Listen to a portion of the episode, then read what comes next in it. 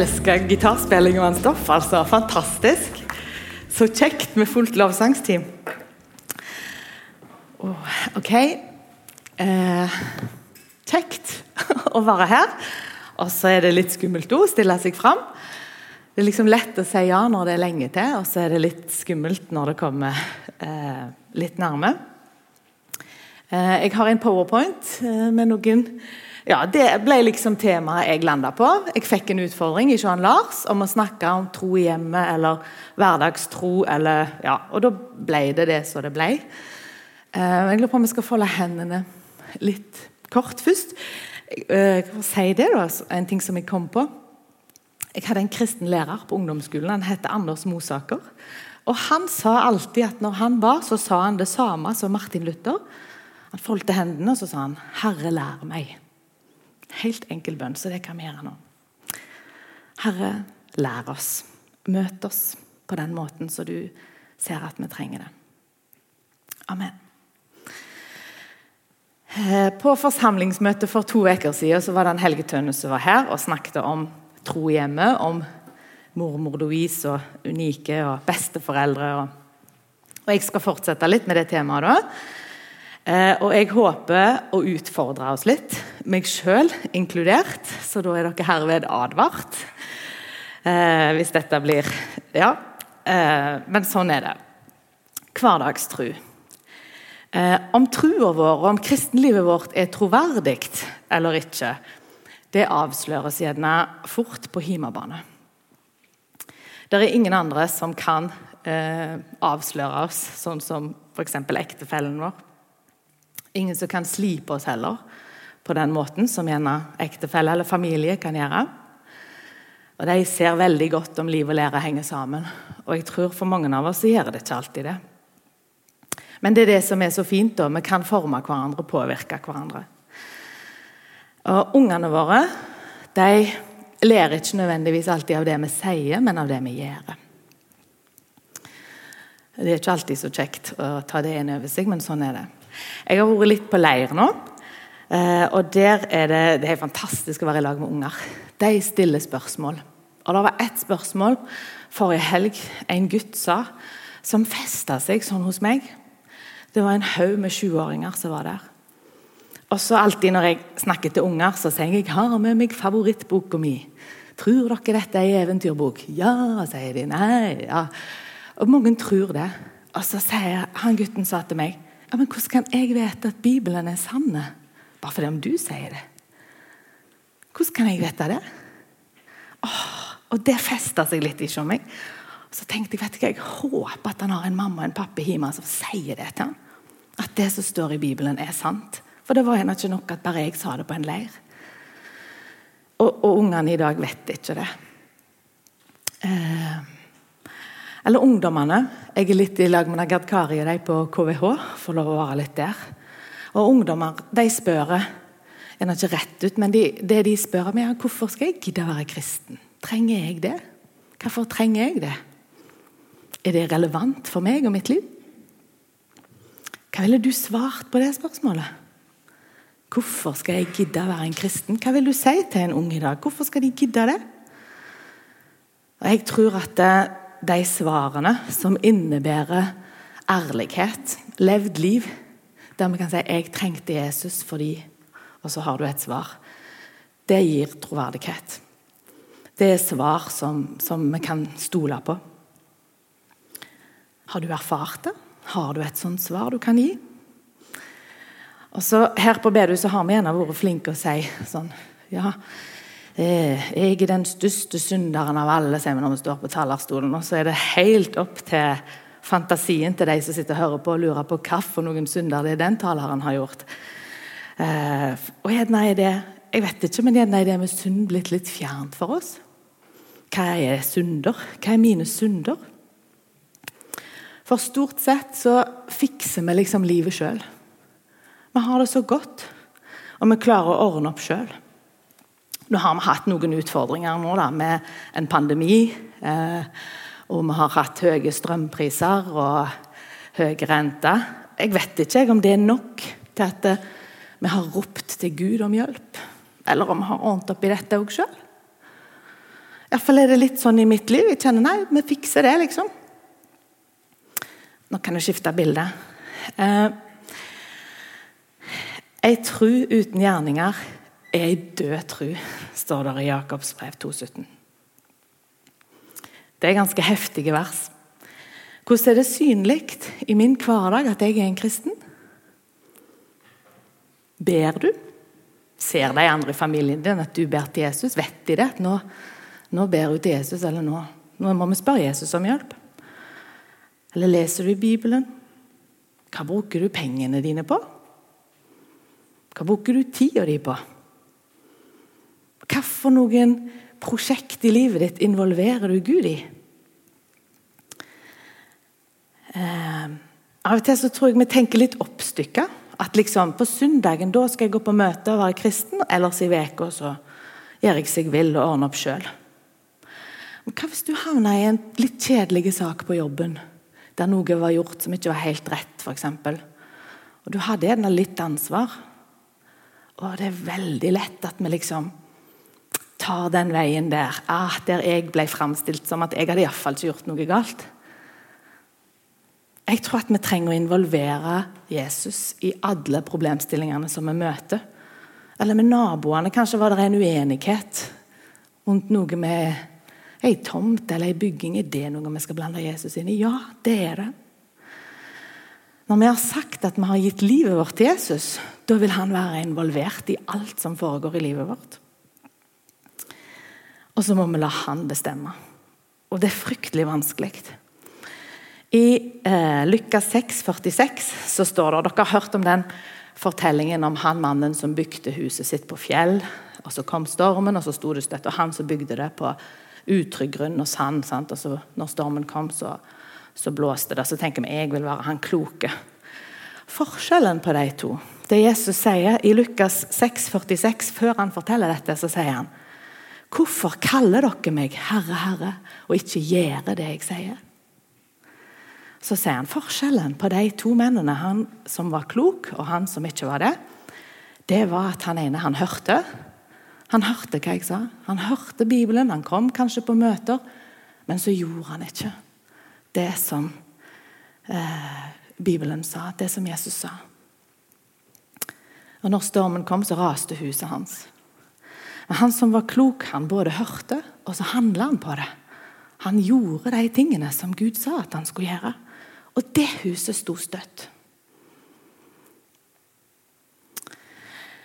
Eh, det var jeg vet ikke om det var en Egil Svartdal eller hvem det var. Det var en som sa, eh, stilte et veldig sånn ransakende spørsmål som eh, festa seg. Hva har du som du ikke har fått av Gud? Da måtte jeg tenke etter. Hva har jeg som jeg ikke har fått av Gud?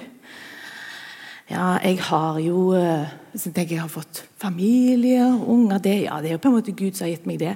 Ja, Huset mitt, har jeg fått det av Gud? Nei, det har jeg jo kjøpt sjøl. Banken sier det. Eller ja, jobben min den har jeg vel fått fikst meg sjøl, for jeg har vært så flink og tatt utdanning. eller... Hvordan tenker vi om disse tingene? Iallfall jeg har veldig lett for å liksom ta æren for ting sjøl. Og jeg tror at det, som noe av det som vår kultur sier mye til oss i dag, det er reklamen 'fordi du fortjener det'. Det får vi høre på alle fronter. Eh, at vi er så fortreffelige, og vi fortjener så mye godt. Og så tror jeg at eh, sannheten om oss er jo en litt annen. At vi har svikefulle, egoistiske hjerter og naturer som bor i oss. Og det er derfor vi trenger å vende om. Vi trenger å gå til Jesus med det. Eh, der er Nå kan du skifte bilde igjen. Der er et, eh, et sitat av en mann som heter Timothy Keller. Har sagt i en bok som heter 'The Meaning of Marriage'. Veldig bra bok. Eh, det står på engelsk. Jeg, skal, jeg har fritt oversett det til norsk. Da sier han evangeliet er dette. Vi er mer syndige Eh, og svikefulle i oss sjøl enn vi tror at vi er. Samtidig så er vi mer elska og akseptert i Jesus enn vi noen gang har tørt å håpe på. Åh, det å liksom forstå dette, få tak på dette Det er viktig. Uh, jeg leste, jeg har holdt på i et bibelstudie. Forresten anbefale det. Prisept bibelstudie. Det er to, et ektepar på Oddland. Eh, Oddbjørg og eh, Tor Helge Øygarden. Som oversetter noen bibelstudier til norsk. Og vi har holdt på og studert i Esekiel da er jeg på Zoom, så det går an å sitte hjemme i stua si og være med på bibelstudier hver uke. Vi har lest i Esekiel, og der var det en ting som traff meg veldig nå. Eh, og det var om Egypt. Eh, Esekiel han fikk budskaper eh, fra Gud som han skulle profetere og si. Da. Og Da var det om Egypt. Og Egypt var en stormakt. De var mektige og rike, og det gikk bra. Og de hadde vet du, den elva, Nilen den spilte en viktig rolle eh, i deres inntektskilde og, og, i deres næring. Og, eh, og så står det at eh, farao han tenkte i hjertet sitt Nilen, den elva, den er mi. Og den fortjenesten, det er grunnen til at dette landet går så bra, det er meg. Det er min ære. Og så står det at Gud straffer han for det. Eh, Gud så at han ble hovmodig, og han straffa for hovmodet hans. Og så tenkte jeg på nasjonen Norge. Vi har ikke Nilen, men vi har olja. Og vi er blitt rike på olja. Eh, og så tror jeg at eh, når vi sier olja, den er vår fortjeneste. Landet vårt, vi har jobba. Vi har tjent det vi skal. Nå kan du skifte bilde. Eh, i ordspråkene 6.18 så står det Stolthet kommer før sammenbrudd. Hovmod før fall. Jeg har erfaring med dette fra mitt eget liv. Hvis stolthet ikke var et tema eh, i mitt liv, så trengte jeg jo heller ikke være redd for å tape ansikt. Hvis vi ikke var redde for å miste æren eller hva andre skulle tenke om oss, ja, da var jo ikke stolthet et tema. Hovmodstanker. Mange ganger tenker jeg det er så voldsomt, men bare det å liksom se litt ned på andre Jeg er noe litt bedre enn hun da. Jeg får noe litt bedre til dette. Og jeg tror det ligger sånn i naturen vår, iallfall ikke meg, at jeg hele veien liksom har så behov for å liksom være litt bedre enn noen andre. Og til og med Ja, jeg er jo taler. til og med, kan jo, altså, Alt kan bli liksom en rot til hovmod i hjertene våre. Og jeg tror at Gud vil vi skal ta oppgjør med det. Gud vil ikke at vi skal leve sånn. Vi kan skifte bilde igjen. Jeg hopper litt på temaet, men dette òg traff meg sånn. Omskjærelse. Det er jo et tema i Bibelen som de snakket om. Og Omskjærelse var det tegnet som Abraham eh, og alle Abrahams barn fikk med Gud. Sant? På at de hørte eh, Gud til. Det var liksom den pakten. Eh, det var et merke på kroppen på et sårbart sted. Eh, personlig og intimt. Det var et slags beskyttelseslag som ble fjerna på en intime plass. Og Allerede i Gamle Testamentet så snakker Gud om omskjærelsen på hjertet. I Jeremia 4,4 så står det 'Omskjær dere for Herren'. Ta bort forhuden fra hjertet deres. Eller i Jeremia 9,26. Hele Israels hus har uomskårne hjerter. Gud lengta egentlig etter at hjertene våre skulle være omskjærte. Den fysiske omskjærelsen var gjerne et bilde på den virkelige omskjærelsen som gjelder for oss nå, som lever i den nye pakten. For vi som har omvendt oss til Gud, vi som har sagt at vi vil være kristne, vi har gått inn i den pakten, og vi trenger å bli omskjærte på hjertet. Ikke fysisk, men i hjertene våre. Og I Nye Testamentet og Paulus snakket en del om omskjærelse. Eh, og Da var det gjerne diskusjonen de diskuterte om de måtte ha den fysiske omskjærelsen eller ikke. Men I Galaterne 6, 12, 15 så står det De som vil tvinge dere til å la dere omskjære, er slike som vil ta seg godt ut blant mennesker for å slippe å bli forfulgt pga. Kristi kors. Og de som lar seg omskjære, holder ikke loven selv, men de vil at dere skal bli omskåret, så de kan skryte av denne ytre tingen som har skjedd med dere. Men jeg vil aldri rose meg av noe annet enn vår Herre Jesu Kristi kors. Ved det er verden blitt korsfestet for meg, og jeg for den. For det som betyr noe, er verken å være omskåret eller uomskåret på kroppen, men å være en ny skapning.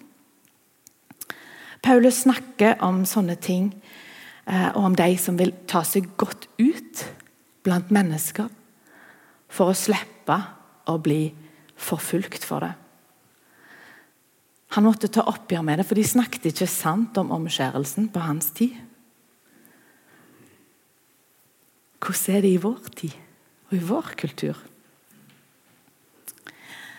Det å bli omskjært i hjertet, det å ta vekk en beskyttelse. Gjøre oss sårbare, kanskje. Fordi vi hører til i et annet rike, en annen pakt. Av og til så bruker vi uttrykket 'det skjærer meg i hjertet' når det er noe vi syns er vondt. Når det er noe vi syns er eh, fælt.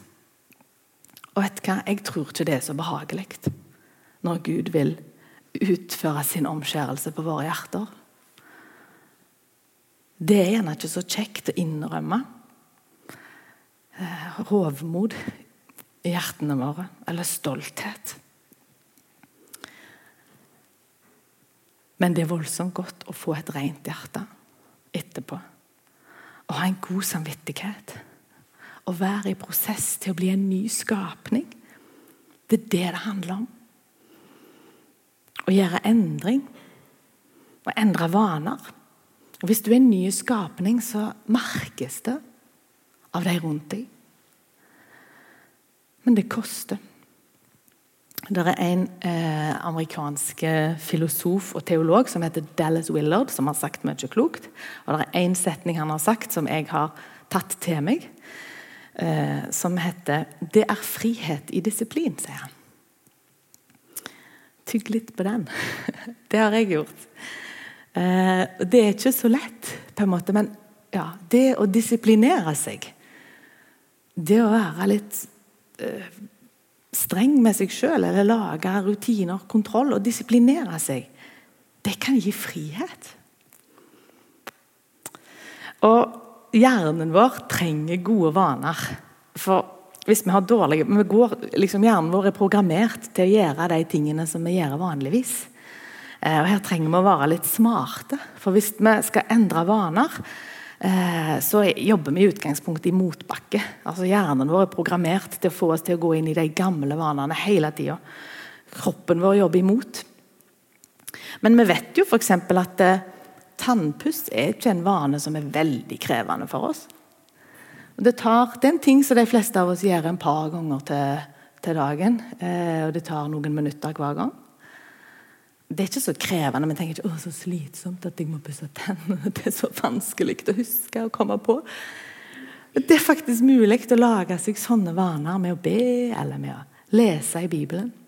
Noen minutter, faktisk. Kan begynne der. Bruke like lang tid på Bibel og bønn som du gjør på tannpusten. Hvis du klarer det hver dag, så er det en start.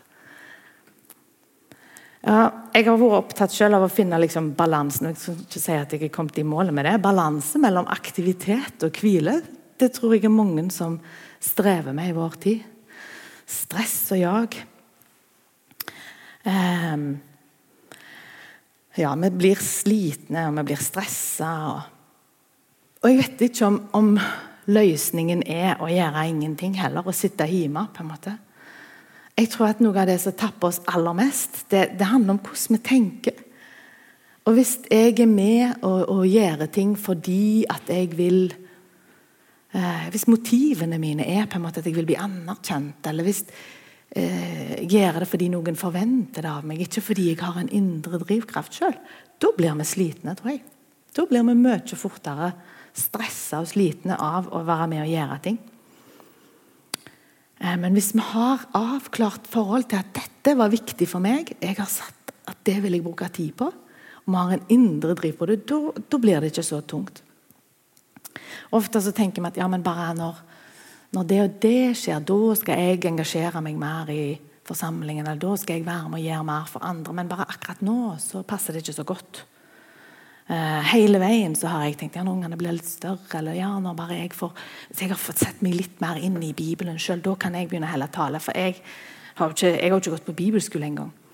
Vi lager liksom sånne 'hvis bare da', eller 'bare da'. Uh, eller ah, det var greit å droppe liksom, kveldsbønn med ungene i kveld, for det passet ikke akkurat i dag. Liksom. Var, jeg var så trøtt i dag, så jeg bare hoppet over. liksom. Jeg tror at eh, vanene våre eh, Ja, og at, at, livet det er nå. Vi kan ikke vente til i morgen med å gjøre endringer. Og til å utsette seinere. Vi trenger å være med og arbeide i Guds rike nå. Vi trenger å gjøre endringer i livet vårt nå. Eh, og når vi skal gjøre, sånne, gjøre mer kristen aktivitet, om vi kan si det sånn, så er det mange ganger kleint. Jeg husker første gangen når jeg skulle liksom si 'Gud velsigne deg' til ungene mine. For det hadde jeg hørt var så inspirerende når noen gjorde. Noen til og med leser jo andakt før de går om morgenen på skolen. Og så skulle jeg si 'Gud velsigne deg' og legge hånden på ungen for dem. Å, så kleint. Syns det var liksom øh. Og ungene bare OK, hva var det? Men så etter hvert så var det sånn 'Mamma, skal du si noe før jeg går?' Altså, Da syns de det var godt. sant? Og Det er kleint når vi begynner. Eh, men etter hvert så går det seg til. Eller første gangen jeg satt på kafé og ba i lag med noen. Det var sånn Ser alle oss nå? Vet alle hva vi gjør? Det går an å be på kafé eller på en parkeringsplass eller snakke om Jesus med noen i familien, det er jo kjempekleint for oss. Åh, men vi trenger å utfordre oss på det. og bare gjør det, For vi har, vet hva, livet er for kort og sårbart til at vi har tid å vente. For det kommer ikke bedre tider. Du kommer ikke til å få en bedre anledning enn i dag. Nå kan du bytte bilde, tror jeg. Det å bruke tida godt og det å gå i åk i lag med Jesus. Det er et mye sitert vers i Matteus 28. Kom til meg, alle dere som strever og bærer tunge byrder, og jeg vil gi dere hvile. Ja, så godt. Da skal jeg få hvile på benken hjemme. Tenker nei, det er faktisk ikke sånn. Men vi tenker gjerne det. Å hvile, det er å gjøre ingenting. Det er å slappe av. Men det er det ikke. Vi må få med oss vers 29. For her ligger det en viktig nøkkel. Ta mitt åk på dere, og lær av meg.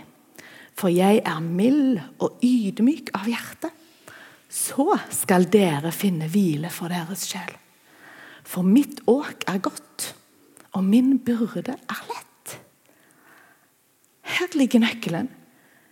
Vi er nødt til å jobbe. Jesus sier du skal ta på deg et åk Du skal ta på deg et åk og ut i en åker og jobbe. Jeg ser fysisk for meg at jeg skal ligge noe tungt på skuldrene mine i lag med Jesus og bære et åk. Og vi skal ut på et jorde. Jeg skal ikke ligge hjemme på benken. Men for å få hvile så skal jeg ut på et jorde i lag med Jesus. Jeg skal ut og gjøre noe. Og så skal jeg lære av han. Og hva er det jeg skal lære? Jo, han er mild og ydmyk av hjertet. Men når jeg jager på og går med mitt åk for å være for å få hovmodstanker og stolthet og tenke at jeg, Da blir det tungt, altså. Men hvis jeg lærer av Jesus, som er mild og ydmyk av hjertet, da er faktisk det å gå i den jobben å være på den åkeren, om det er på Yngres eller søndagsskolen eller i forsamlingen, eller om det er å gå til bestemor di mer på besøk, eller til naboen, eller fortelle om Jesus på jobben din. Jeg vet ikke hva for en oppgave det er du skal ha. Eh, men da blir ikke det så tungt. Da blir faktisk det godt. Og det er der du finner hvile for sjelen, sier Jesus. I å være i jobb. Og jeg tror det ligger en nøkkel her. altså. I at Når du er ute i, i noe, når du har tatt på deg et ansvar, når du har sagt du skal være med å gjøre noe, så blir du bevart i det. på en måte. Likt som vi sier med tannpussen. Den koster deg ikke når det er en vane. Og så vil Gud gå med oss, og så vil han hjelpe oss, og ikke på en måte dra for fort i det åket. Sant? At Hvis vi springer for fort, og hvis jeg ville gjøre mer for at andre skulle synes det var bra, eller for å få skrøyt, så holder han igjen og sier nei. Så, ja. Og Jesus han står klar til å være med i hverdagen din. Han ber, deg legge, han ber deg om å legge av åket ditt, som handler om egen vinning, stolthet, hovmod, sammenligning med andre. Og så sier han ta på deg åket, og jeg vil gå i lag med deg. Da blir det ikke stress. Da blir vi ikke slitne. Vi blir slitne, for det er jo en naturlig ting. Det er lov å være trøtte, på en måte. men det betyr ikke at vi skal gi opp eh, og slutte å gå videre. Da hviler vi litt, og så går vi videre. Og Jesus han har lovt at han vil gi oss kraft. Og Av og til så venter vi liksom at vi skal få sprudlende superkraft før vi er klart å begynne, men det er ikke alltid så. Mange ganger så får vi bare akkurat nok til den dagen. Og så vil vi helst vite hva vi skal lenger fram, men vi får ikke alltid det. Vi får ett steg om gangen. Og her og nå. Men Jesus har lovt at han vil gå med oss. Og Det er ikke en vei uten lidelse heller. Det kan bety at vi møter vonde ting. Men vi kan få kraft nok til å bety noe der vi er, og der han vil ha oss. Og vi slipper å være så opptatt av oss sjøl. Vi fikk hjerte. Jeg òg fikk et fint hjerte. Jeg synes at det, det, det, er liksom en rød tråd gjennom hele denne boka. Eh, fra Gamle testamentet til Nye testamentet. At Gud han ser rett på hjertene våre. Han ser rett inn i livene våre. Og så sier han hele veien 'vend om'. Vend om hjertene deres til meg. Han ser på konger, nasjoner sine hjerter, og han ser på enkeltmennesker sine hjerter. Og så sier han 'vend om til meg'. Jeg har en bedre løsning for dere. Og det er det vi må be om. Skal vi be? Gode far, jeg takker deg for at du er en nådig Gud. Takk for at du ser oss nå, og takk for at du hører hver ei bønn ifra alle hjertene som sitter her, og de som ser på og hører på. Jesus, vi har lyst til å bekjenne hovmodstanker og stolthetstanker. Herre, vi ønsker å ydmyke oss foran deg. Må du vise på hvilke måter det er, dette er aktuelt i våre liv. Ber om at du gjør det synlig for oss, Herre. Og ber om at du tar imot oss med nåde. På grunn av ditt blod, på grunn av det du gjorde for oss på korset, Jesus. Takk for at vi kan få lov å stole på det, at du tar imot oss med nåde. Selv om du ser all den synda vår. Og Herre, vi ønsker å snu oss vekk ifra den synda. Og vi ønsker å lære av deg. Vi ønsker å gå i åk med deg, Jesus. Må du vise oss på hvilke måter. Må du lære oss, Jesus, hver og en der som vi er, at vi kan få gå i åket i lag med deg. At vi kan få hvile i arbeidsoppgavene som du har for oss i ditt rike. Jeg ber om at du må tale inn i livene til hver enkelt av oss på de måtene som du ser at vi trenger det, Herre. Takk for at du vil gå med. Og takk for at nåden din er nye hver dag. Vi legger oss i dine gode hender. I Jesu navn. Amen.